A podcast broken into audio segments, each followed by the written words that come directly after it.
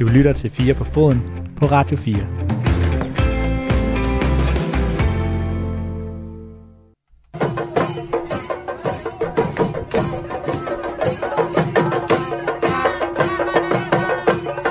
Ja, stemningen den er på øh, kogepunktet i øh, Katar. Her er det lyden af engelske landsholdsfans, som vi kender og elsker dem.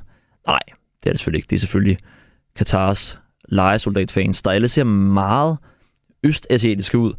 Men altså ikke et sprit nyt engelsk landsholdsgrej for at øh, give indtrykket af, at nu er den store folkefest altså i gang. Og det er jo så også det, vi skal tale om her i øh, hele Team 2 af 4 på foden, den her folkefest, der begynder på søndag i Katar. Mit navn, det er øh, Magnus Kraft, og jeg skal minde om, at man i løbet af timen skal være mere end velkommen til at sende en sms med spørgsmål og øh, kommentar. Det kan man gøre på sms 1424. Senere der skal vi tale om, hvorvidt de danske landsholdsspillere simpelthen er for tamme i deres kritik af regimet i Katar. Christian Eriksen han sagde i går efter Manchester Uniteds kamp mod Fulham, at forandring skal komme andre steder fra end fra spillerne. Har han ret i det? Eller er spillerne, som en af mine øh, senere gæster mener, simpelthen for konfliktsky og øh, egoistiske? Skriv en sms til 1424. Du lytter til Radio 4.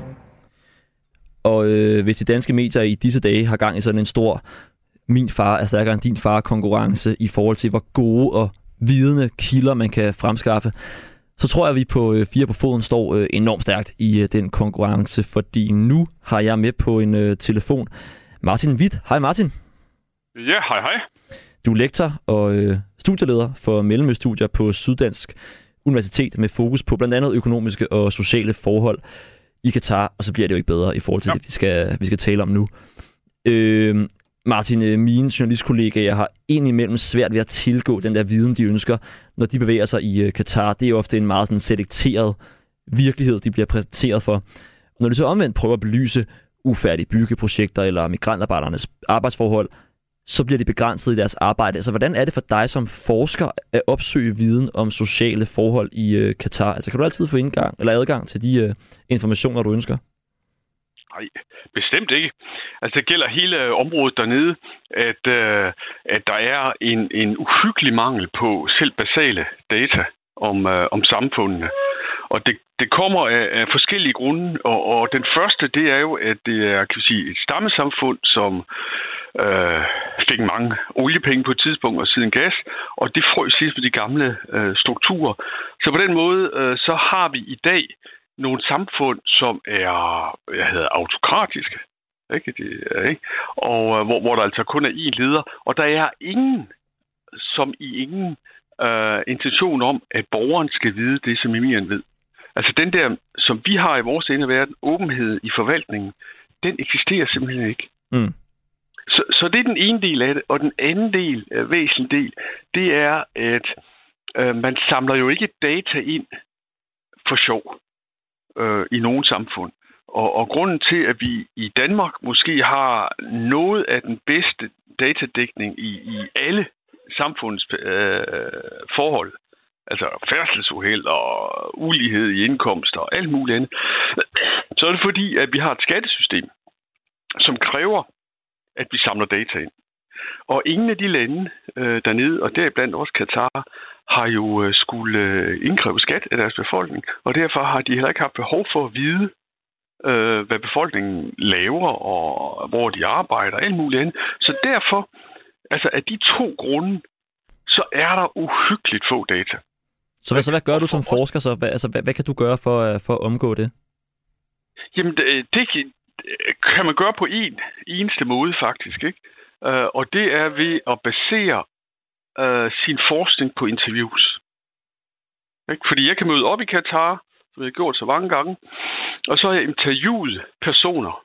Ikke? Så din kamp, det bliver, i stedet for at finde uh, databaser, som man vil gøre i, i Danmark eller i den her ende af verden, at finde nogle databaser, hvor der var data osv., osv. Ikke? så vil man der uh, arbejde på at, at, komme og finde nogle personer, som øh, er vidne, og som øh, man, man, kan, øh, man kan interviewe.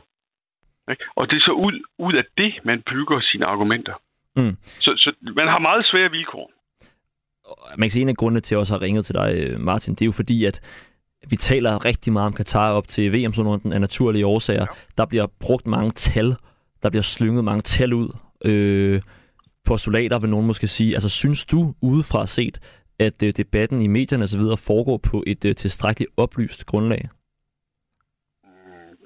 Nej, det, det synes jeg nok ikke. Altså, jeg, jeg tror, alle folk gør, hvad de kan, men, men det er jo ganske få af os, som har været der øh, og ligesom øh, har set det, og også jo selvfølgelig få i pressen. Øh, det er klart, at det vil være meget, meget nemmere, hvis man kunne slå op i nogle statistiske værker, eller databaser, over hvor mange, øh, altså hvad lønniveauerne er øh, for, for migrantarbejderne, og præcis hvorfra de kommer, og det ene og det andet. Øh, I det hele taget, sociale forhold er ikke som regel beskrevet i nogle af de landes øh, statistikker. Øh, fordi det kunne jo være noget, øh, der kunne øh, falde tilbage på en, en, en uh, emir eller en konge, ikke? Mm. Som, øh, hvor det ikke var så, så behageligt. Det. Så det gælder Saudi-Arabien, øh, Abu Dhabi, øh, Dubai, Katar, whatever. Ikke? At der er ikke de der data. Ja, det er der jeg ved ikke, om det er... Ja, undskyld. Ja. Nej. Jamen, det... Som med pressen. Altså, jeg, jeg tror egentlig, I som, som presse har øh, de informationer, der stort set er. Ikke? Øh, mm. og, men, og det men, men noget, af det, noget af det, Martin, vi betaler rigtig meget om, det er jo det der med, hvor mange migrantarbejdere er døde. Det er jo sådan et rigtig håndgribeligt ja. eksempel på noget, som vi som vi egentlig baserer på noget ret løst. Selvfølgelig en, en gennemresearchet artikel i uh, den engelske avis The Guardian, men det er, jo, det er jo så også det, som, øh, som er grund til, at vi igen og igen nævner det der tal, 6.500 ja. døde migrantarbejdere. Øh, hvordan synes du, vi skal vægte de tal, der kommer frem, når det jo ikke er, er officielle tal på samme måde, som, øh, som vi kender fra registre i Danmark for eksempel? Jamen, dem skal man tage med stort, stort forbehold. Altså, jeg, jeg tror, med, med det der med de 6.500, jeg har også øh, selvfølgelig læst den artikel meget nøje, og, og, og jo tættere man læser den, øh, jo, jo mere, øh, hvad hedder det, øh, sådan usikker bliver den øh, på at og, og, og sige, hvor, hvor, både hvor tallene kommer fra, ikke? Og, og, og hvem tallene egentlig gælder. Fordi de prøver jo at få det til at se ud som om, at det er de byggerier, der har haft med øh, øh, FIFA, altså det verdensmesterskabet at gøre, hvor man har set det her antal dødstal. Øh, mens at Katars myndigheder jo øh, siger, øh, ja ja, vi har haft to millioner arbejdere, øh, altså konstant i landet de sidste øh, 11 år, 10-11 år, ikke? Øh, til at bygge ikke bare de der syv stadions, men jo altså også metroen og alt den anden infrastruktur, som øh, har været den store overordnede plan for, for Katar at få bygget i det her årti. Men det, det hænger vel sammen med, at man også gerne vil være vært for store sportsbegivenheder, og så bliver man nødt til at ja, ja. bygge metronet osv. osv. Jo, jo, men det betyder også, at, øh, og det har jeg jo læst øh, lang tid før FIFA øh, her stævnet kom på, ikke, at de har nogle meget, meget klare ambitioner om at, at sætte deres samfund op i et andet gear. De har pengene nu, ikke? Og, og de har kunne bruge det her årti på at bygge det, der skulle til for at sætte det der samfund på fod, ikke sådan på lang sigt. Mm. det hænger selvfølgelig sammen, det hele. Ja, ja. Jeg, jeg har læst, at, øh, at du vurderer, at efter VM, der vil andelen af immigranter i landet blive halveret, øh, og at du mener, at når arbejdspresset falder, så vil forholdene for langt de fleste arbejdere på bunden af det øh, katarske samfund blive bedre. Altså er det en forbedring, der vil ske øh, naturligt, øh, på baggrund af et mindre pres, eller fordi at arbejdsgiver er blevet mere bevidste om arbejdsforhold osv. i forhold til hele den debat, der har været om øh, slutrunden her? Det er nok begge dele, men, men det argument, jeg havde der, det gik på, at, at det, der gjorde her, altså jeg har jo undret mig over, hvorfor at Katar som en af verdens rigeste lande ikke bare har fået styr på det med migrantarbejderne. Altså, øh, du kan bare give hver eneste af de firmaer, som har de store byggeprojekter, en million ekstra om ugen eller om måneden, og så kunne de øh, øh, arbejde en time mindre om dagen, øh, eller de kunne øh, få mere ris i deres madskole, mm. og så noget den stil. Ikke? Men, men hvorfor har de altså, det, tror hvorfor har de ikke gjort det? Ja, præcis. Ikke? Og det har de ikke i min vurdering, fordi at øh, stammerne er meget, meget stærke. I, i, altså, det vil sige dem, som, som er de private entreprenører, øh, katarierne, som, som driver projekterne, de er ikke med staten, men imod staten på det punkt. Ikke? Og de har simpelthen sagt, nej, I skal ikke pille ved det her. Vi har fået et privilegie for 30 år siden, der hedder, at vi kan importere så billig en arbejdskraft, øh, som vi nu kan skaffe dem til ude i verden. Øh, og det privilegie vil det ikke have rørt ved. Og det er jo det, staten så vil gøre ved at sige, at I skal behandle dem bedre. Ikke? Øh, så min pointe er, at fordi emiren Tamim bin Hamad, han nu her skal åbne øh, øh, showet øh, på søndag. Ikke? På det tidspunkt, der skal alt være færdigt. Ikke? Og derfor har han været under pres for alle byggeherrerne, fordi bygherrerne vil sige, åh oh, yes, og hvis du laver det mod os, så, så tror jeg ikke, jeg er helt sikker på, at den motorvej kan blive færdig ikke? til den 20. november. Mm. Ikke? Det pres forsvinder nu, ikke? Når, når, når det sidste fløjt er, er lyt i den her turnering. Plus, at man så altså øh, er stort set færdig med byggeprojekterne, og derfor halverer. Det, det er også deres egen tal, at, at mængden af migrantarbejdere bliver halveret i landet. Øh, det ser man også øh, andre steder i golfen. Mm. Øhm, Men det er jo så, det er jo så, så den, det er jo så den jeg, almindelige naturlige... Jamen, ja. Ja, det er bare fordi, hvad, hvad så med alt det, der handler om, om debatten om slutrunden? Altså, jeg ved godt, det kan være svært at måle selvfølgelig, men, men, men hvad, hvad kan man sige om, hvilken effekt det kommer til at få? Jamen, det har fået en stor effekt, men, men altså, det får en stor effekt, fordi ikke, at, at de bliver behandlet bedre, ikke? Og, og vi skal jo heller ikke øh, glemme vel, at Katar faktisk har implementeret en minimumsløn til migrantarbejderne, som kom til at dække cirka for 400.000 øh, migrantarbejderes vedkommende. Altså, de har fået hævet deres løn øh, endda en del. Øh, og, og der er kommet øh, en lovgivning, som er meget bedre. kan falde systemet i princippet ophævet. Ikke? Det, det er implementeringen, det, det er nu, øh, der er problemer med. Ikke? Øh, så det har allerede haft nogle store konsekvenser.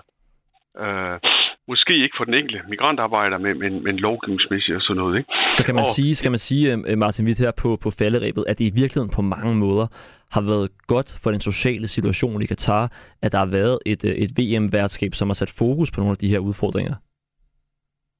Ja, det tror jeg. Det, det tror jeg faktisk.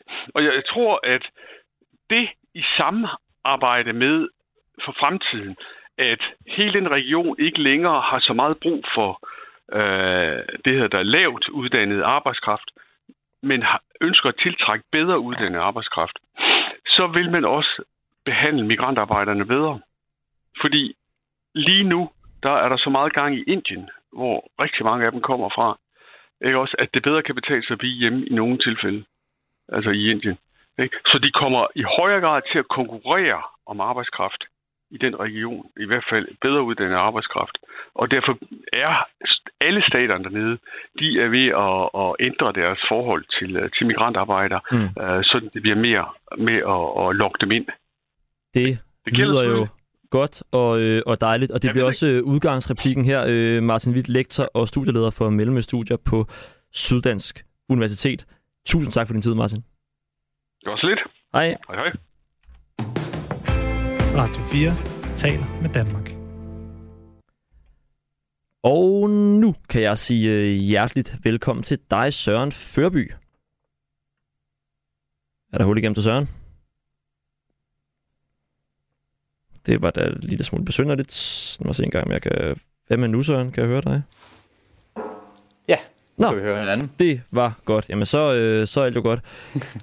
Jeg ringer til dig, fordi du er jo vores øh, journalist og øh, mand i øh, Mellemøsten, hvor du har været de seneste fire måneder. Du er i, øh, i Libanon nu. Og øh, fra i dag, og mens vi er i gang, så, så kommer jeg til at ringe til dig hver eneste band, der for lige at høre, hvad der egentlig rører sig i, øh, i den ørkenstat, som alle øjne i verden er rettet mod nu.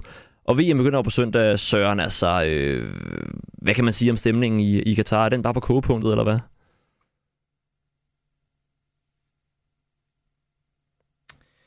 Nu virker det unægteligt som om, at Sørens linje er øh, forsvundet. Hallo? Hallo, hallo Søren, kan du høre mig? Hallo Søren? Nå, men så kan det være, at vi skal prøve at øh, få øh, vores næste gæst i studiet, hvis han er øh, kommet. Nu kigger jeg med lange øjne ud i øh, regien en gang, og så tror jeg måske, vi kan, øh, kan få et andet indslag op at stå.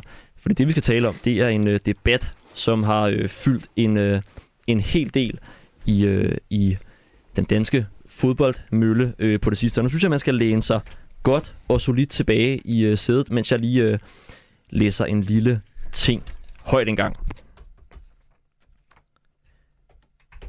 Forestil dig følgende. Mørket sænker sig over den persiske golf. Det er lørdag den 26. november 2022. Frankrig mod Danmark. Marseillesen runger ud af højtalerne. Dernæst der er et yndigt land. Alt under spænding i Doha i Frankrig og i det ganske danske land, hvor begejstringen trods slutrundens forhistorie bobler på bar og i forventningsfulde børn efter landsholdets indledende 3-0 sejr mod Tunesien. Efter nationalmelodierne søger spillerne ud på deres positioner, Benzema ved bolden i midtercirklen, Rasmus Nissen Christensen spejder i retning af Mbappé, der ser ud til at ville sætte i sprint, så snart dommeren gør tegn. Dommerens fløjte, forventningens sus, men hvad sker der nu? Thomas Christensen og Morten Brun i kommentatorboksen måber ud til danskerne. Alle 22 spillere har sat sig ned på græsset med sænkede hoveder. De vil åbenbart ikke spille, siger Christensen. Brun forlænger. Jeg har aldrig set noget lignende. Aldrig. Det her anede vi intet om. Og hvad Morten Brun og danskerne bag skærmen ikke ved, er, at de to anfører, Simon Kjær og Hugo Loris, siden sommeren har diskuteret, hvordan de kunne sende et utvetydigt signal til Katar, FIFA og verdensfodbolden i al almindelighed. Og i samråd med deres trupper har de nu aftalt, at de vil holde 6,5 minut stillhed efter startfløjtet for slutrundens ofre for at markere de 6.500 migrantarbejdere, som ifølge The Guardians afsløringer fra i fjor er døde siden tildelingen af værtskabet. TV-produceren finder FIFA-præsident Gianni Infantino på VIP-pladserne. Han er oprørt, visker æder i øret på sjakken ved sin side, men Infantino kan intet gøre, imens verden er vidne til et attentat på hans arrangement. Efter de længste minutter i VM-historien rejser spillerne sig klapper kort i fællesskab, og så triller Benzema bolden tilbage på egen halvdel. Kampen slutter 2-2, men dagen derpå, der er det protestaktionen, der fylder forsiderne. Dansk ørken oprør skriver Ekstrabladet, og i uh, The Guardian udråbes de 22 spillere som turneringens moralske vindere. Og så kan jeg her tilbage i uh, virkeligheden sige velkommen til dig, Jeppe Højbjerg Sørensen. Tak. Det er jo dig, der har skrevet disse bevingede ord det her kontrafaktiske scenarie for en uh, kamp mellem Danmark og Frankrig. Det er fra en klumme, du har skrevet i uh, Euroman, hvor du kritiserer danske og udenlandske fodboldstjerner over en, uh, en bred kamp i virkeligheden for ikke at bruge den enorme indflydelse, de har i fodboldpolitiske situationer. Mm. Jeppe Højbjerg, altså er det helt urealistisk at forestille sig, at uh, det danske landshold arbejder på en happening, som den du lige, som jeg lige læste højt fra, uh, fra din klub? Øh, det er ikke urealistisk, at de arbejder på en happening af en eller anden art, men det er fuldstændig utænkeligt, at de arbejder på en happening af den karakter, som jeg skriver om her. Ja, hvorfor altså, er det det? Fordi det er alt for, altså det er alt for, for voldsomt. De vil aldrig gøre noget, der er så... Øh, der, der ligesom ryster fodbolden så meget, som det der vil gøre. Og heller ikke, altså i starten, da jeg skrev klummen, der havde jeg faktisk skrevet et minut. Intuitivt tænkte jeg, det, det er tilstrækkeligt for mm. at gøre et, et, et, et ordentligt indtryk, ikke? Og så rykker den lige op til 6,5 på den her symbolske værdi, ikke? men øhm, det kommer jeg ikke til at gøre overhovedet. Nej. Hvordan tror du, det vil blive taxeret? Det er jo ren spekulation, anerkender jeg. Men hvordan tror du, det vil blive taxeret, hvis man, øh, hvis man så sådan noget her til, til VM slutrunden? Jamen, jeg synes, det er jo sjovt, fordi på en eller anden måde, så må spillerne jo også selv bestemme, hvordan de forvalter de her 90 minutter, de er på banen. Så, så jeg ved ikke om, om... Altså, jeg tror, at der vil være en anden form for straf, i hvert fald økonomisk, jeg ved ikke, om den også kunne være pointmæssig. Det vil spillerne selvfølgelig være, være rigtig bange for, ikke? Øhm, ja. Der er vel også noget med, med, med, med klubforhold, altså man spiller en rolle. Ikke? Der er spillere øh, på det franske hold, der spiller i Paris Saint-Germain, mm-hmm. altså, øh, som jo også er, er ejet af, af regimet i Katar. Altså af den grund alene er sådan nogle ting her vel dybt urealistiske. Ja, fuldstændig. Altså, jeg skriver MBP i, i rubrikken, ikke? Og, og man er jo øh, fuldstændig aligned med, med Katar, så der er jo ikke igen, der er ingen chance for, at det her det sker overhovedet. Mm. Og det, det, er jo også, altså, det, det er jo også en pointe i sig selv. Ikke? Ja, og, og jeg håber, at vi kommer til at tale meget mere om, øh, om den her debat omkring spillernes ansvar i forbindelse med alle de her fodboldpolitiske debatter, vi jo har rigtig meget, i, uh, især lige for tiden. Nu prøver jeg lige at høre en gang, om vi har uh, Søren Førby med en gang. Søren, kan du høre mig? Det kan jeg godt, Magnus, ja. Hvor er det godt at høre. Så tror jeg, at vi prøver at gennemføre et, uh, et interview den her gang. Det, jeg spurgte om før, det var jo det her med, at at VM det starter på søndag. Hvordan er stemningen der, hvor, hvor du er nu? Øh, I Libanon her er det egentlig ikke øh, så meget fodboldstemning. Katar prøver selvfølgelig at sige, at det her det er et, et VM for, for hele Mellemøsten, men, men de gange, eller de lande, jeg har været i, i og omkring Katar, der er altså ikke, øh, der er ikke meget fodboldstemning. Men i Katar kan jeg se, at der er en, er en del mennesker, som, øh, som fejrer, at nu er VM her, og de fejrer, at de holder med Portugal og Argentina og, og Tyskland og, og det lige. Så det ligner, der er en, er en fodboldfest i Katar. Jamen, så, så lad os lige vende de der øh, videoklip, som jeg også tror, jeg startede udsendelsen med at spille en, en, en lydbid fra, ikke? Af, af fans, som jo ligner, at de er fra måske typisk østasiatiske lande, og ikke fra, fra de lande, de, de foregiver at, øh, at holde med. Altså, hvad, hvad handler det om? Jeg har... Videoerne kom for første gang for en måned, halvanden siden. En, nogle portugisiske fans, der gik rundt i, i Dohas gader. Jeg kontaktede nogle af, af, af fansene dengang, og spurgte, hvad det gik ud på, og de, de sagde, at de var bare helt vilde med, med Ronaldo, så derfor holdt de med, med Portugal, også selvom de var fra Sri Lanka og, og Bangladesh. Jeg har også haft fat i nogle af dem, der holdt med Argentina, de synes Messi er fed, og nogle af dem, der holdt med Brasilien, synes Neymar er, er en af de her gutter. Men det er vel også, øh, det er vel også legitimt så, nok, tænker så fortællingen, de, fuldstændig legitimt, at, øh, at jeg fik fortalt, at Brasiliens landshold er kæmpestort i, i Indien. Øh, og det optog der, det var, det var nærmest 1, eller 99 procent øh, inder, der, der bare synes, at, at Neymar og Richarlison og alle gutterne, de er, de er fede. Og det er jo så sådan lidt i den, i den mundre afdeling, ikke? fordi der er jo alle mulige debatter, der, der gennemsyrer det her VM. En af dem, det handler jo om øh, Katars forhold til LGBT plus miljøerne. Altså homoseksualitet er øh, ulovligt i Katar, bliver straffet med, med fængsel osv. Den officielle melding er jo, at alle er velkomne til VM, men man skal ikke grave så meget i overfladen, før det åbenbarer sig, at øh, VM-værterne har et stok konservativt forhold til seksualitet. Og i sidste uge, der kom en af slutrundens ambassadører, Khalid Salman, i vælten i tysk tv. Hvad var det, han, øh, han sagde? Jamen, I et interview med, med den tyske station ZDF, der kom Khalid Salman, som er en 60-årig Katari, han er tidligere landsholdsspiller for, for Katars landshold. Han kom til at sige, at homoseksualitet øh, er damage to mind, altså det er en øh, fejl i hjernen, hvis man er, er homoseksuel. Og samtidig fik han også nævnt, at han håbede ikke, at under VM, at hans børn ville blive udsat for, for homoseksualitet. Altså han håbede ikke, at hans børn kom til at se to mænd holde i hånd, eller to mænd kysse. Øh, fordi det vil simpelthen skade dem øh, videre hen, og, og se det for forfærdeligt syn. Hvis man så øh, stikker snablen ned i øh, kommentarsporene på sociale medier, det skal man jo gerne være lidt varsom med. Men hvis man gør det, så synes jeg, at der er lidt øh, to fløje i den debat. Det er, ikke? Der er dem, der mener, at det er et øh, totalt øh, legitimt synspunkt. Og så er der selvfølgelig også øh, dem, måske typisk fra vores breddegrader, der mener, at det her afslører, at VM-værterne er totalt øh, moralsk depriveret. Øh, men, øh, men, men hvad, har, hvad har reaktionen været, synes du? Øh, reaktionen med det samme var jo fra, fra VM, en mand fra VM-komiteen, der, der overvejede interviewet, gik ind og afbrød interviewet og sagde, nu, nu er vi færdige, vi skal ikke snakke om det her, slut. Så der var i hvert fald lidt anden melding, som der ikke skulle, ikke skulle uddybes yderligere i hvert fald. Øh, så de ved godt, at øh, det her er lidt øh, problematisk? Det virker i hvert fald til, at, at ham fra VM-komiteen, også med hans ansigtsudtryk, fortalte ligesom det hele, at, at der var en her, der var kommet til at tale over sig at det var ikke meningen, at, at det her det skulle ud, at, at hans stok konservative syn, det ligesom, ligesom skulle ud på den måde. Øh, men her i Mellemøsten, som du siger, der er mange muslimer, der har det her syn på LGBT-personer, at det ikke er naturligt, at ligesom deres argument for, at homoseksualitet bør forbydes. Fordi Gud, eller hvem man nu tror på, har skabt en mand og en kvinde, så de ligesom kunne være sammen og elske hinanden, og ikke to mænd.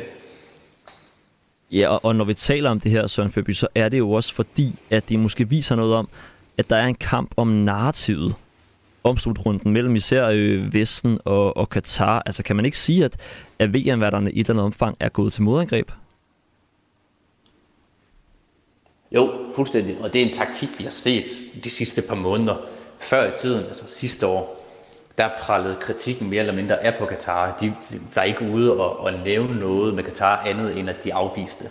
Men de seneste måneder efter kritikken har intensiveret øh, mod landet og mod slutrunden, der har man tydeligt kunne se, at de har angrebet igen øh, Danmark og Vesten er øh, dobbeltmoralske, de hykleriske, fordi de behandler heller ikke, der er nogle befolkningsgrupper i, i Vesten, der heller ikke bliver behandlet ordentligt.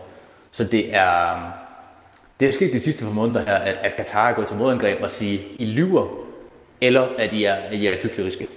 Men altså har de ikke, og nu får du et meget irriterende spørgsmål, Søren, ikke? Men, men har de ikke en pointe? Altså hvis VM skulle afholdes i, i Danmark, så skulle de muslimske fans jo bare leve med, at, øh, at vi drikker og ryger og hoer rundt og vælter rundt i gaderne uden, uden tøj på. Altså er det ikke fair nok at forvente, at vi så også lever op til deres sociale kodexer, når vi kommer til, til en VM-slutrunde? Jo, på, på, på en måde, og det er jo også det, de siger, de vil gerne have, at man respekterer deres kultur. Og det er jo så vidt langt hen ad vejen øh, ordentligt, at selvfølgelig også, hvis de kommer til Danmark, så drikker vi jo stadigvæk, selvom de er der. Men der er dog en øh, grænse på øh, kulturnormer, sociale normer, og så øh, basale menneskerettigheder. Det her med, at hvis du holder i hånd eller kysser med en, en mand, øh, nu er jeg selv mand, altså at to af samme køn, de kysser, at så, øh, så ryger du i fængsel øh, uden nogen varsel, at du kan simpelthen blive taget ind, eller blive slået, eller blive tæsket. Så sådan, der er forskel på at, at drikke en øl, og så øh, blive tæsket i, i landet øh, umiddelbart. Ikke? Fair nok. Øh, og så er der jo FIFA, som øh, står lidt i midten af det hele. Altså, hvordan folder de sig til den her lidt, må man nok sige, ubelejlige overkrig mellem øh, Katar og så debatten i, i særligt vestlige medier?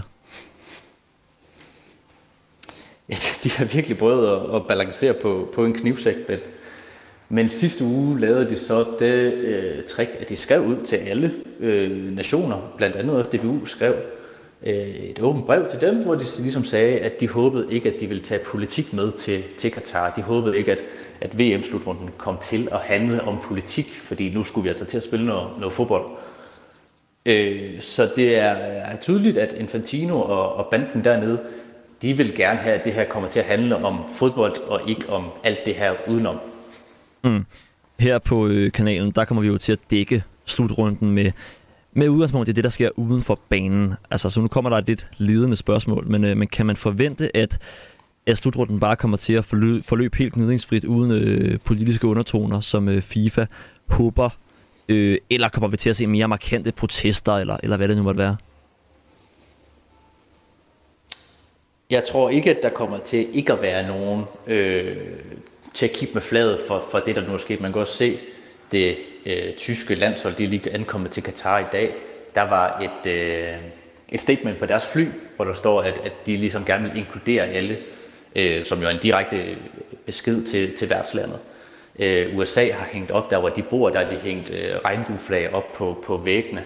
Så jeg tror ikke, at, at man ligesom holder sig fra, øh, fra, øh, fra at, at kommentere på de ting, der ligesom har været op i medierne ja, de sidste 12 år siden de fik øh, verdensmesterskabet. Mm. Men det er sjovt ikke, fordi altså, jeg havde troet, at Katar, nu har vi jo talt om den her slutrunde i overvis, jeg havde forventet, at Katar bare ville affeje al kritik af deres regime ved bare lige de her fire uger at øh, kaste alle normale principper over bord, og så bare sige, jamen alle er velkomne her, I kan selv se jeres kritikker i forhold til vores LGBT øh, plus rettigheder, de er totalt uberettigede, øh, og så, så snart landet var rejst hjem, så var alt tilbage ved det gamle igen. Men nej, altså Katar ser ud til at så rimelig fast på, på de her konservative principper og tage debatten? Altså tror du, det har overrasket FIFA og måske også i virkeligheden DBU? Det tror jeg helt bestemt, det har. Øh, Katar har jo så også været ude at sige, at de har lækket på, på nogle af de her ting. Blandt andet har de været ude at sige, at bare fordi du er mand og mand, så må du gerne holde i hånd under VM. Du må gerne drikke alkohol, du må gerne være lidt mere fuld i, i gaderne. Det er jo normalt noget, som, som man kommer i fængsel for. Så de har prøvet at, at slække lidt på det. det. Det, der er problemet for Katar, det er jo, at de har nogle, altså de har det her menneskesyn, er jo indgået i, i hele øh, samfundet, har, har jeg både hørt og, og opdaget, mens jeg er hernede. Så nogle gange så kommer sådan en til os, øh, Karl Salman, som, som vi snakker om i start, starten af programmet, kommer jo til at tale over sig, og kommer til at sige, hvad han egentlig synes, og ikke pakker det væk, øh, som FIFA og, og Katar måske havde håbet på øh, under slutrunden. Mm. Til allersidst her, øh, Søren Førby, altså, hvad kommer du til at holde øje med som journalist, når, øh, når slutrunden starter? Fordi jeg tænker ikke bare, at det er, hvem der bliver topscorer, eller hvem der spiller godt. Der er måske også nogle, øh, nogle ting uden for banen, som, øh, som kommer til at fortjene lidt ekstra opmærksomhed. først og fremmest kommer jeg til at se på, hvor meget byen har ændret sig, øh, siden jeg forlod byen i, i september i år. Der kunne forestille mig, at der virkelig er kørt et helt øh, VM-teater øh, ind for at, at dække over en masse ting. Og så håber jeg på at kunne besøge en af de her migrantlejre her, som jeg har været ude i før, øh, for at se forskellen mellem, øh, mellem dengang og, og nu. Jeg kan forstå på, på nogle af mine kilder, som, som er ude i migrantlejren, at der kommer meget mere politi derud, og de tjekker alle, der nu øh, indkommer i lejren, øh, simpelthen er op til VM, fordi de er bange for, at hvide journalister de kommer derud og, og beskriver forholdene. All right, Søren Førby. Jeg håber, at øh, du holder humøret højt i det mellemøstlige. Og så tæller vi to jo bare øh, sammen igen om øh, en uge, når VM officielt er i gang. Her det godt. Det gør vi. I lige måde. Radio 4 taler med Danmark. Ja, så er vi tilbage hos dig, Jeppe Højberg. Du har siddet og lyttet med. Egentlig er det jo hele debatten om spillernes ansvar, vi, øh, vi skal tale om i dag. Men jeg kan mm. ikke mhm. være med lige at spørge dig. Du er også journalist og kommer til at holde meget øje med den her slutrunde. Altså, hvad tror du er en af de ting, som du kommer til at holde meget øje med? Jamen altså, grundlæggende alt det samme, som Søren siger, ikke? Øh, men jeg kommer også til at have et øje på det sportslige. Øh, det er ligesom også en del af min jobbeskrivelse. Så, så det er jo sådan det der med at måske ikke ja, altså mit forsøg vil nok være ikke hele tiden at dele tingene så hårdt op. Så vi på den ene side har kritikken af det, der sker uden for banen, og så, det, der, og så har vi også det, der sker på banen. Ikke? Altså prøve at mixe de der to størrelser. Mm. Fordi jeg synes, det er træls, hvis man, hvis man bare kan enten prioritere, at nu læser man og ser man kun det, der foregår på banen. Ikke? Og så kan man ligesom bare lade kritikken være, være på ja. sidelinjen. Ja. Ja. Nu skal vi tale om det her med, med kritik af spillerne, som du har været øh, en form for bannerfører for. Det er jo noget, som øh, på en eller anden måde ikke har været så, øh, så udtalt tidligere. Men du skriver så den her klumme, der handler om, mm-hmm. at spillerne grundlæggende ikke har været deres ansvar øh, voksen. Og nu, nu for at, ligesom holde det lidt simpelt, så kunne jeg godt tænke mig, at vi lige holder fokus på det danske landshold. Ja. Altså, hvad er det konkret, du godt kunne tænke dig, at de havde gjort anderledes, eller gør anderledes i fremtiden? Altså, jeg, jeg kunne jo, altså, jeg vil, i den bedste af alle verdener, så kunne jeg godt tænke mig, at de lavede en eller anden aktion, som man virkelig fik øje på ude i verden, ikke? Det, det, det synes jeg ikke nødvendigvis, man kan kræve, at de gør.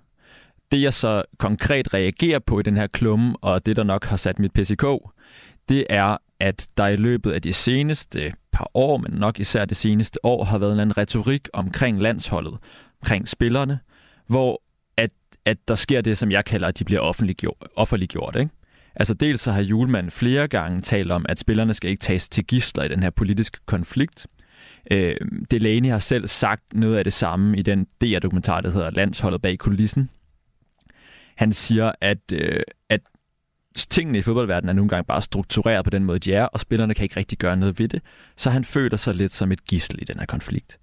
Og, og jeg synes, og det som jeg har stillet imod, det er jo, at det er paradoxalt, at vi har, for det første har mennesker, der, der tjener 30 millioner om året, og som samtidig kan se sig selv som gisler i en konflikt, eller i en sag, hvor der faktisk er mennesker, som er gisler. Altså, der findes jo faktisk utrolig, altså der findes tusinder og tusinder af, af migrantarbejdere, som er fanget i Katar lige nu, fordi de ikke har noget statsborgerskab, fordi det er blevet taget fra dem. De er jo reelt gisler.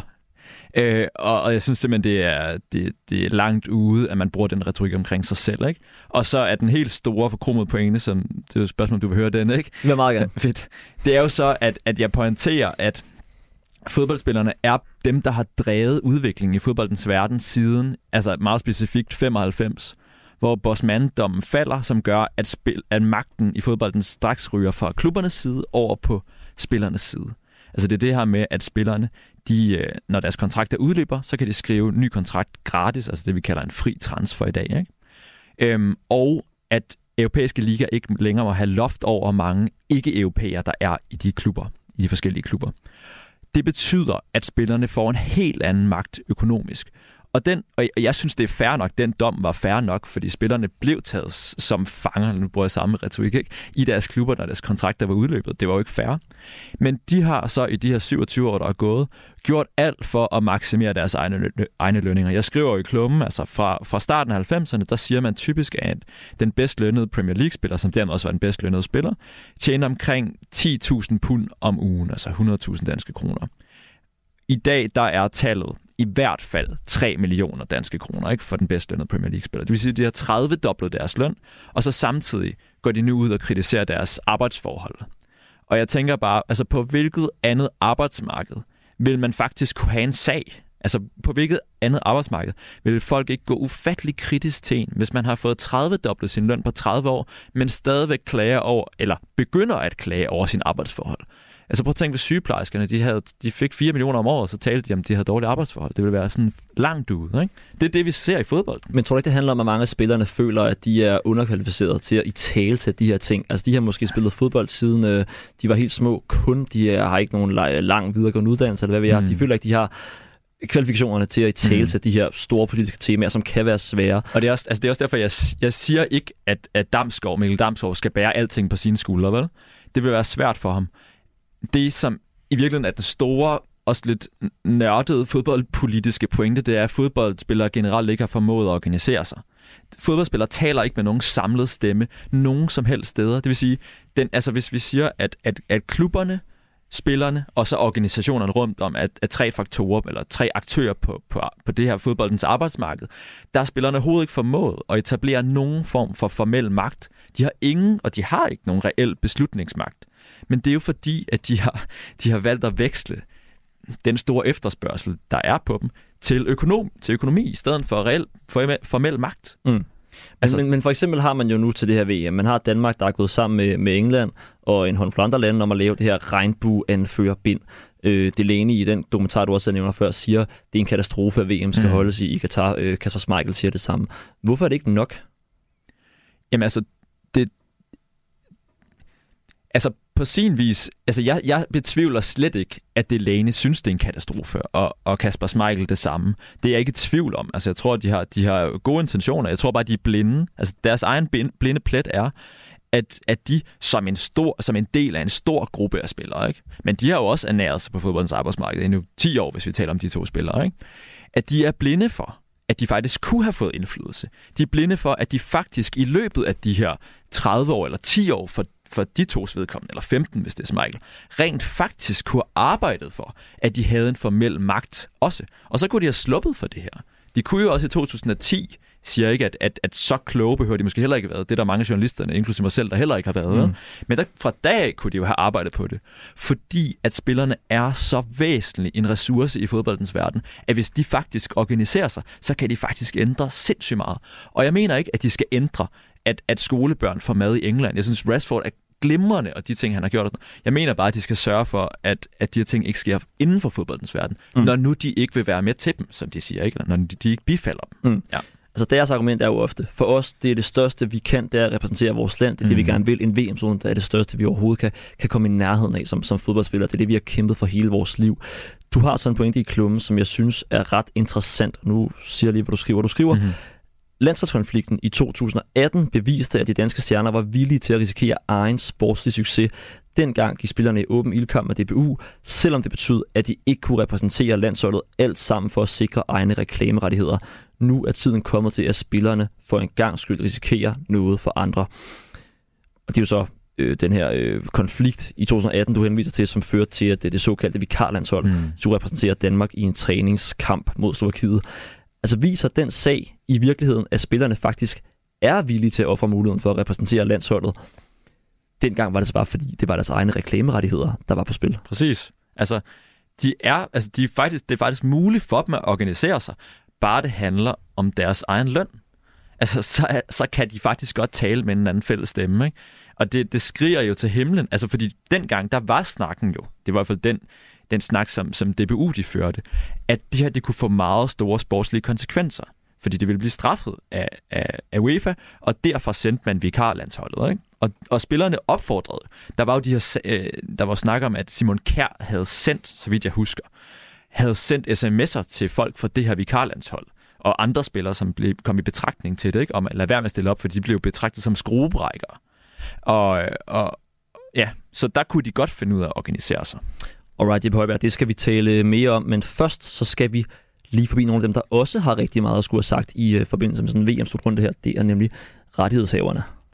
Du lytter til Radio 4. Ja, altså en VM-slutrunde er jo lidt en fest for sådan nogle øh, journalisttyper som mig selv.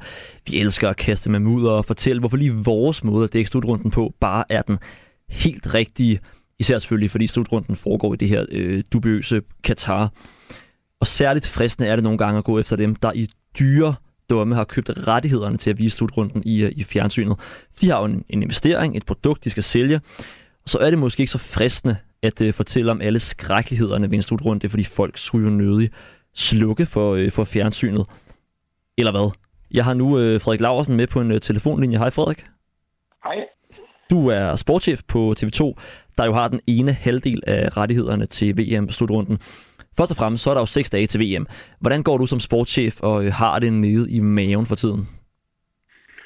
Jamen, jeg har egentlig jeg har det ganske godt i maven. Vi har forberedt os så godt, som vi nu kunne på den her slutrunde, ligesom vi altid gør. Og, og det er jo rigtigt, at vi, der, vi er lige så ked af, som, som alle andre lyder til at være, at øh, FIFA har valgt, øh, at øh, slutrunden skal afholdes i Katar. Men vi må jo dække det både kritisk, journalistisk og sportsligt, som vi plejer. Mm. Jeg har jo sagt mange gange i den her debat efterhånden, at øh, jeg minder om, at det jeg ved ikke, om I har været inde på, men, men sidste gang var det i Rusland, og før det var det i Brasilien og Sydafrika. Altså, vi, jo, vi har lige dækket et vinter i Kina. Vi er jo vant til at, at prøve at balancere, hvad kan man sige, den sportslige del og så den mere øh, kritiske journalistiske del i, i de her slutrunder, fordi desværre bliver oftere og oftere, at det bliver henlagt til sådan nogle stater. Ja, man kan jo ikke grave sig frem for, øh, for medier, der siger, at øh, deres VM-dækning går på to ben. Altså et, et begejstret ben og et, og et kritisk ben. Og det er også det, I gør, kan man sige. Men er det ikke en svær øvelse, synes du? Jo, selvfølgelig er det en svær øvelse, og, og, og, og det, er da, det, det er ekstraordinært svært øh, i forhold til Katar på grund af alle de mange øh, frygtelige historier, vi har hørt dernede fra op til, til VM-slutrunden. Men jeg mener nu godt, at, at, at det kan lade sig gøre adskilte. Vi får også god hjælp fra vores gode kollegaer på TV2-nyhederne, som, som jo også kommer til at dække den her slutrunde sammen med os på sporten. Og jeg mener egentlig, at vi har gjort, hvad vi kunne for at, at forberede os så godt som muligt. Øh, vi laver en dokumentarfilm, som man kan se i morgen på TV2. Øh, og, og, øh, og vi har haft alle vores journalister, der skal deltage i det her igennem øh, kurser med Amnesty International osv. for at klæde vores folk så godt som muligt på til at kunne håndtere det her, som de vil blive mødt med i Katar. Mm. Men hvornår er det så, at dækningen er ukritisk? Fordi jeg forestiller mig ikke, at vi skal høre så meget om døde migrantarbejdere, for eksempel når, når Danmark spiller, spiller landskampe. Nej, det tror jeg ikke, vi skal lige nøjagtigt, når de spiller landskamp. Altså, jeg mener, når, når vi for eksempel har kastet en masse ressourcer ind i samarbejde med TV2-nyhedernes øh, dokumentargruppe og programafdeling på TV2, så er det jo fordi, at, at vi har lidt øh, en erfaring med, at, at, at den bedste journalistik er øh, oftest øh, nemmere at lave, inden sådan en slutrunde går i gang, eller en, et olympisk lege går i gang, end det er undervejs. Det er klart, når vi først kommer ned undervejs, så vil de her historier selvfølgelig blive en stor del af dækningen. Øh, vi sidder jo, vi har åbningskampen også, og hele åbningsceremonien, hvor vi, hvor vi jo også sidder og balancerer med, hvordan skal man dække sig noget, og hvad er Katars bagtanker med den åbningsceremoni, vi skal se på søndag og så videre. Og det skal vi selvfølgelig forholde os til, øh, både kritisk og også kulturelt, og, og så skal vi jo også øh, forhåbentlig blive lidt klogere på, øh, lidt klogere på den del af verden samtidig. Øh, men, men, men klassisk så er det jo sådan, når, når begivenheden først går i gang, så bliver det oftere de nyhedshistorier, der kommer undervejs, som, som får en, en behandling. Og der skal man jo selvfølgelig øh, der er det klart, der er jo mange potentielle nyhedshistorier, man kan se øh, for sig øh, komme i Katar, hvis der er fans, der protesterer, eller øh, putter regnbueflag op på stadion, eller øh, på en eller anden måde giver, deres, øh, giver udtryk for deres øh, misbilligelse med nogle mm. af de ting, som Katar står for. I har en historie ud i dag, jo, øh, hvor jeres reporter Jesper Amter og kameramand i, øh, i Katar er blevet bedt om at forlade en ikke færdigbygget fanzone. Altså, det er en form for journalistik, som, øh, som vi kommer til at bedrive mere af. Altså, hvor man ligesom trygtester gæstfriheden og ser, hvad kan egentlig lade sig gøre.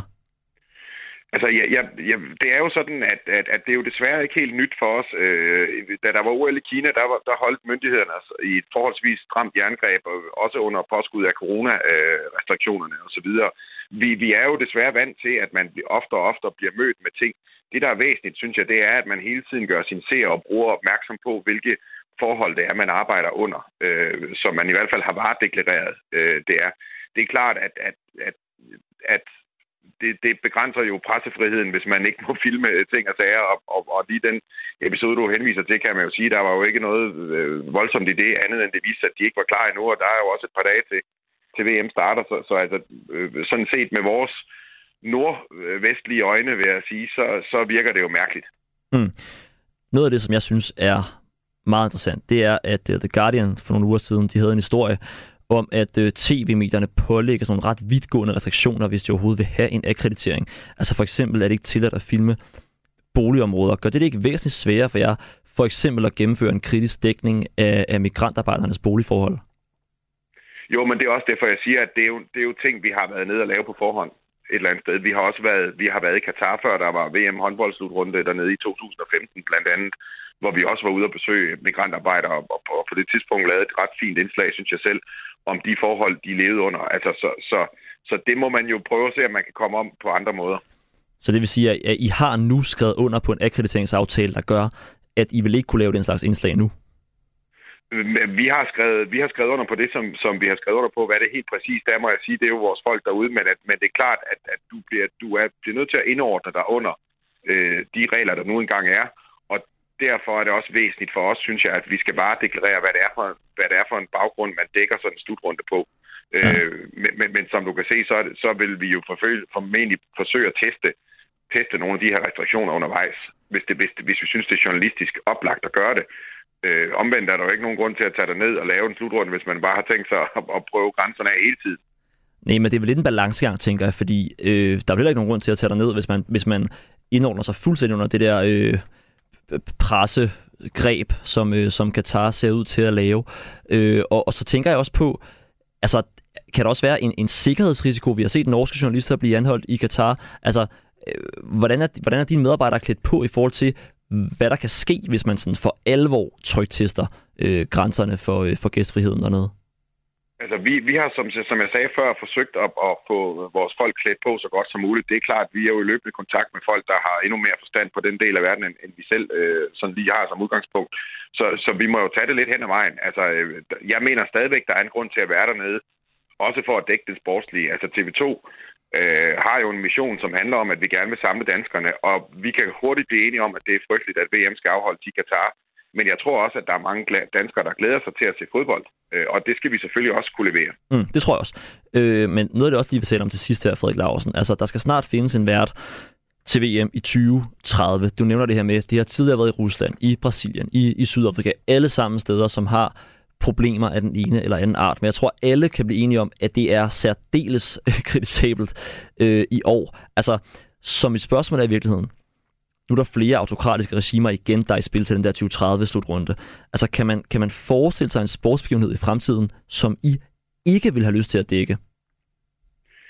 Jeg tror egentlig, man skal sige, at vi vil altid, fordi vi er journalistisk arbejdsplads, har lyst til at dække noget, altså journalistisk det er klart, man kan jo overveje eksempelvis øh, hvis Saudi-Arabien, som er i spil til 2030-slutrunden. Det er, jo den, det er jo den ene muskel, som, som vi, øh, jeg bilder mig igen, at TV2, lille TV2 alene, hvis du ser på hele verden, har den muskel. Øh, den muskel er jo, er jo kun en muskel, som, som jeg også snakker om tidligere, hvis man går sammen et eller andet sted om at lægge pres på. For det er jo FIFA og IOC og beslutningstagerne, som man skal lægge pres på. Det pres, vi kan lægge, det er jo at sige, jamen hvis, hvis der kommer en slutrunde i eksempelvis Saudi-Arabien, så vil vi måske ikke være interesseret i det. Det har vi ikke taget, det har vi ikke taget stilling til endnu. Det er jo stadigvæk hypotetisk at tale om. Men Saudi-Arabien er jo blandt andet i spil til 2030-slutrunden. Mm. Og, der, og derfor tror jeg også, at det, som vi som, som tv-medier kan gøre, det er jo, at vi kan, at vi kan lægge pres på, på de her folk, der skal tage beslutningerne, for at få dem til at håbe, forhåbentlig, og, og prioritere nogle lidt andre ting, eller putte nogle flere øh, hvad kan man sige, forhold ind, som skal være opfyldt i de lande, som, som et eller andet sted får de her kæmpe begivenheder. Mm. Men vi har jo desværre set, at de krav, som blandt andre IOC og FIFA stiller til lande, der skal afholde de her kæmpe events, at de er efterhånden så voldsomme, at, at at, at ansøgerfeltet jo desværre er, er skrumpet ind, fordi det, det oftest ikke giver mening for de forskellige lande at omkalfatre sig i en grad at bruge så mange penge på, på noget som slutrunde. Og det kan man jo håbe på, at det pres og den kritiske dækning, der trods alt har været af VM-slutrunden i Katar, kan få nogle af de beslutningstager i fremtiden til at tænke en lille smule anderledes. Ja, ja. Og altså, jeg anerkender, at du har øh, sikkert øh, super travlt de her dage, øh, Frederik Larsen, så det er ikke fordi, det, det er det første, du skal gøre i morgen tidlig, men, men, men jeg tænker, altså bør man ikke være meget tidligt ude med den der meget vokale kritik, det er på en måde det, der gik galt med, med VM i Qatar. Ikke? Det var, at pludselig så skete det bare. Og så var det bare ligesom øh, sådan, det var. Og nu var det også for sent at gøre noget ved. Og, når man taler med DBU, så siger de, at vi vil ikke afvise at stille op til, til en VM-slutrunde i, øh, i Saudi-Arabien i, i 2030. Altså bør I som tv-medier ikke være meget tidligt ud og være meget vokale og sige, det her, det vil vi på det kraftigste anbefale, at man ikke gør? Vi er i løbende dialog med, med FIFA, som vi jo har købt rettighederne af, og, og, og FIFA kender udmærket vores indstilling til det her ting. Jeg, jeg bliver også bare nødt til at sige, nu har vi lige været til sportsmesse i, i, i Monaco for nogle uger siden. Det er jo desværre et meget nordeuropæisk øh, fænomen, det her. Altså, så, så det tryk, som vi føler herhjemme, der er på Katar, det er jo ikke et tryk, der kommer fra hele verden. Men det gør vel jeres rolle så meget desto vigtigere, kan man sige. Det kan man sagtens mene, men, men det er klart, som jeg siger, vi er en meget, meget lille spiller i det store spil. Det er klart, du bliver nødt til at have nogle store lande med, og nogle store, og nu kan man jo se, at heldigvis så bevæger både tyskerne og englænderne så også i den rigtige retning med det her. Men det er klart, at, at jo større, jo mere man kan stå sammen i sådan en sammenhæng for at lægge pres på de her organisationer og de beslutningstager, som i sidste ende skal træffe et valg om, hvor man skal holde de her ting, jo bedre vil det være. Okay, Frederik Larsen, sportschef på øh, TV2. Tusind tak, fordi vi måtte høre om øh, TV2's VM-dækning her på den sidste opløbsstrækning, inden det går løs. Ha' et uh, godt VM. Ja, tak og lige måde. God aften. Du lytter til Radio 4. Ja, jeg er stadig her i studiet med, med Jeppe Højberg, som jo øh, sagde jeg lidt kægt før, har lagt sig i spidsen for den store kritik af det danske landshold og, spillerne og deres øh, ansvar i forbindelse med, med alle de mange debatter, vi har. Det er vigtigt for mig lige at skynde mig at sige, at jeg har selvfølgelig skrevet til Spillerforeningen for at høre, om de ikke har lyst til at stille op. Det har de ikke, hverken i studiet, eller på telefon, eller med en skriftlig kommentar. Det kan man så mene om, hvad man vil. Jeg mener personligt, det er lidt tyndt, øh, fordi det kunne selvfølgelig være interessant at høre, hvad tænker spillernes ja, fagforbund om, om, mm. om, om hele den her situation. Ikke? Altså, hvad, hvad kan de gøre anderledes i, øh, i fremtiden? Øhm, nu taler vi om det her med, med landsholdstrækken i 2018 før øh, Jeppe Højberg. Men jeg tænker vel også, at der er forskel på, om spillerne skal stille op til en VM-slutrunde eller en træningskamp mod, øh, mod Slovakiet. Altså, tror du ikke, at hensynet til VM, som jo er det største, trumfer rigtig, rigtig meget for de her spillere? Jo, jo. Det er jo også, altså, det er jo det, vi ser nu også. Øhm, jo, jeg tænker også, at der er vel også et element af, at de skal toppræstere nu, ikke rent sportsligt, og så prøver de at, at, at skære alt støj fra. Men, men tror du, og nu er du ikke selv elitesportsmand, men, men tror du, at det vil være muligt for dem at sige, vi laver et andet gimmick, vi har det planlagt hjemmefra, vi ved præcis, hvad vi skal gøre, og så kan vi også godt for resten af pengene fokusere på at spille nogle fodboldkampe? Ja, ja, det tror jeg godt. Altså, jeg, jeg forstår jo godt logikken omkring, at man skal være meget stålsat, når man er til en VM-slutrunde, eller hvad det nu ellers er, hvor man skal toppræstere, ikke? Men, men jeg køber ikke helt, at man ikke kan bruge nogle kræfter på at, at gøre noget andet. Altså, jeg tror, der bliver spillet meget Playstation til sådan en VM-slutrunde der, og jeg tror, der bliver, der bliver ligget meget ved den pool og sådan noget. Altså, der er mange timer i et døgn, når man er professionel fodboldspiller. Og jeg siger ikke, det er nemt. Altså, det er et voldsomt pres, og jeg vil da buk under på, på 0,5. Men, men jeg tror godt, at man vil kunne lave en form for statement. Og, og jeg synes også godt, at spillerne, man kan godt kræve, at de står til ansvar i en eller anden forstand, når de er med i interviews osv. Jeg synes godt, man kan godt forlange, at de faktisk svarer et eller andet, som ikke bare ingen kommentarer. Mm. Nu omsætter vi jo spillerne som sådan en stor øh, grå masse. Ja, ja. Der er selvfølgelig også folk, der er øh, værre til det her. Der er nogen, der øh, helt skrupelløst øh, reklamerer for det saudiske mm. regime osv. Øh, og så er der også nogen, som, som måske udmærker sig positivt. Altså, har du nogle eksempler på, på moderne spillere, hvor du tænker, det som der sker der, der, der, det er faktisk noget af det, vi skal, vi skal hen imod? Jamen, nu sagde jeg jo lige før, at, at jeg synes jo selvfølgelig, at, at sådan en mand som Marcus Rashford er for billedlig i en eller anden forstand, ikke? Øhm, så, altså... Hvad hedder han ham, øh, den tyske midtbanespiller? Øh, Loretska. Ja det er jo en mand, som for eksempel har talt, altså under EM i 21, ikke? der talte han jo om homoseksuelles rettigheder i forbindelse med den her kamp mod Ungarn. Og, og der synes jeg, at han i hvert fald løftede en dagsorden, som også havde noget med fodbolden at gøre. Ikke? Altså, og, og det er jo nok der, jeg gerne vil hen, at, at, at spillere ikke kun, og jeg synes jo, det er glimrende, at de gør det, kæmper for, for, for skolemad i, i England, eller kæmper for, ja, hvad kan det være? Altså tager hen på, på hospital, bør, hospitaler, for, hvor, hvor kraft har børn, eller børn har kraft og så videre. Ikke? Mm. Det er for billedligt. Men jeg synes, at vi savner nogen, der kæmper inde for fodboldens rammer, og for at forbedre rammerne der. Men er, er humlen ikke netop, tror du, at, øh, at øh, hvis man går ind for at forbedre øh, øh, kantineordningerne i, i de engelske skoler, det kan på ingen måde påvirke, hvilke klubber man kan spille for i fremtiden, eller hvilke turneringer man kan deltage i osv. osv., osv. Men hvis øh, en dansk spiller, lad os sige et, et stort talent som, øh, som Joachim Mæle, som er en dygtig spiller, går ud og, og, og laver et øh, drastisk udfald mod Katar, så kan han aldrig komme til at spille for Paris Saint-Germain. Jo, Det tror jeg er hele humlen, og det er jo også det, jeg kritiserer i bund og grund. Ikke? Altså en af de vigtigste aktører i fodboldens branche overhovedet ikke bekymrer sig om fodboldens ved og vel, og i hvert fald ikke gør noget. For jeg tror nok, de bekymrer sig en smule, men de gør ikke noget som helst. Okay, på øh, søndag starter VM. Vi kommer til at være over det. Vi kommer til at dække det så godt, som, øh, som vi kan. Jeppe Højberg, journalist, tusind tak, fordi du har lyst til at komme forbi og øh, tale her i studiet. Selv tak. Nu er der nyheder.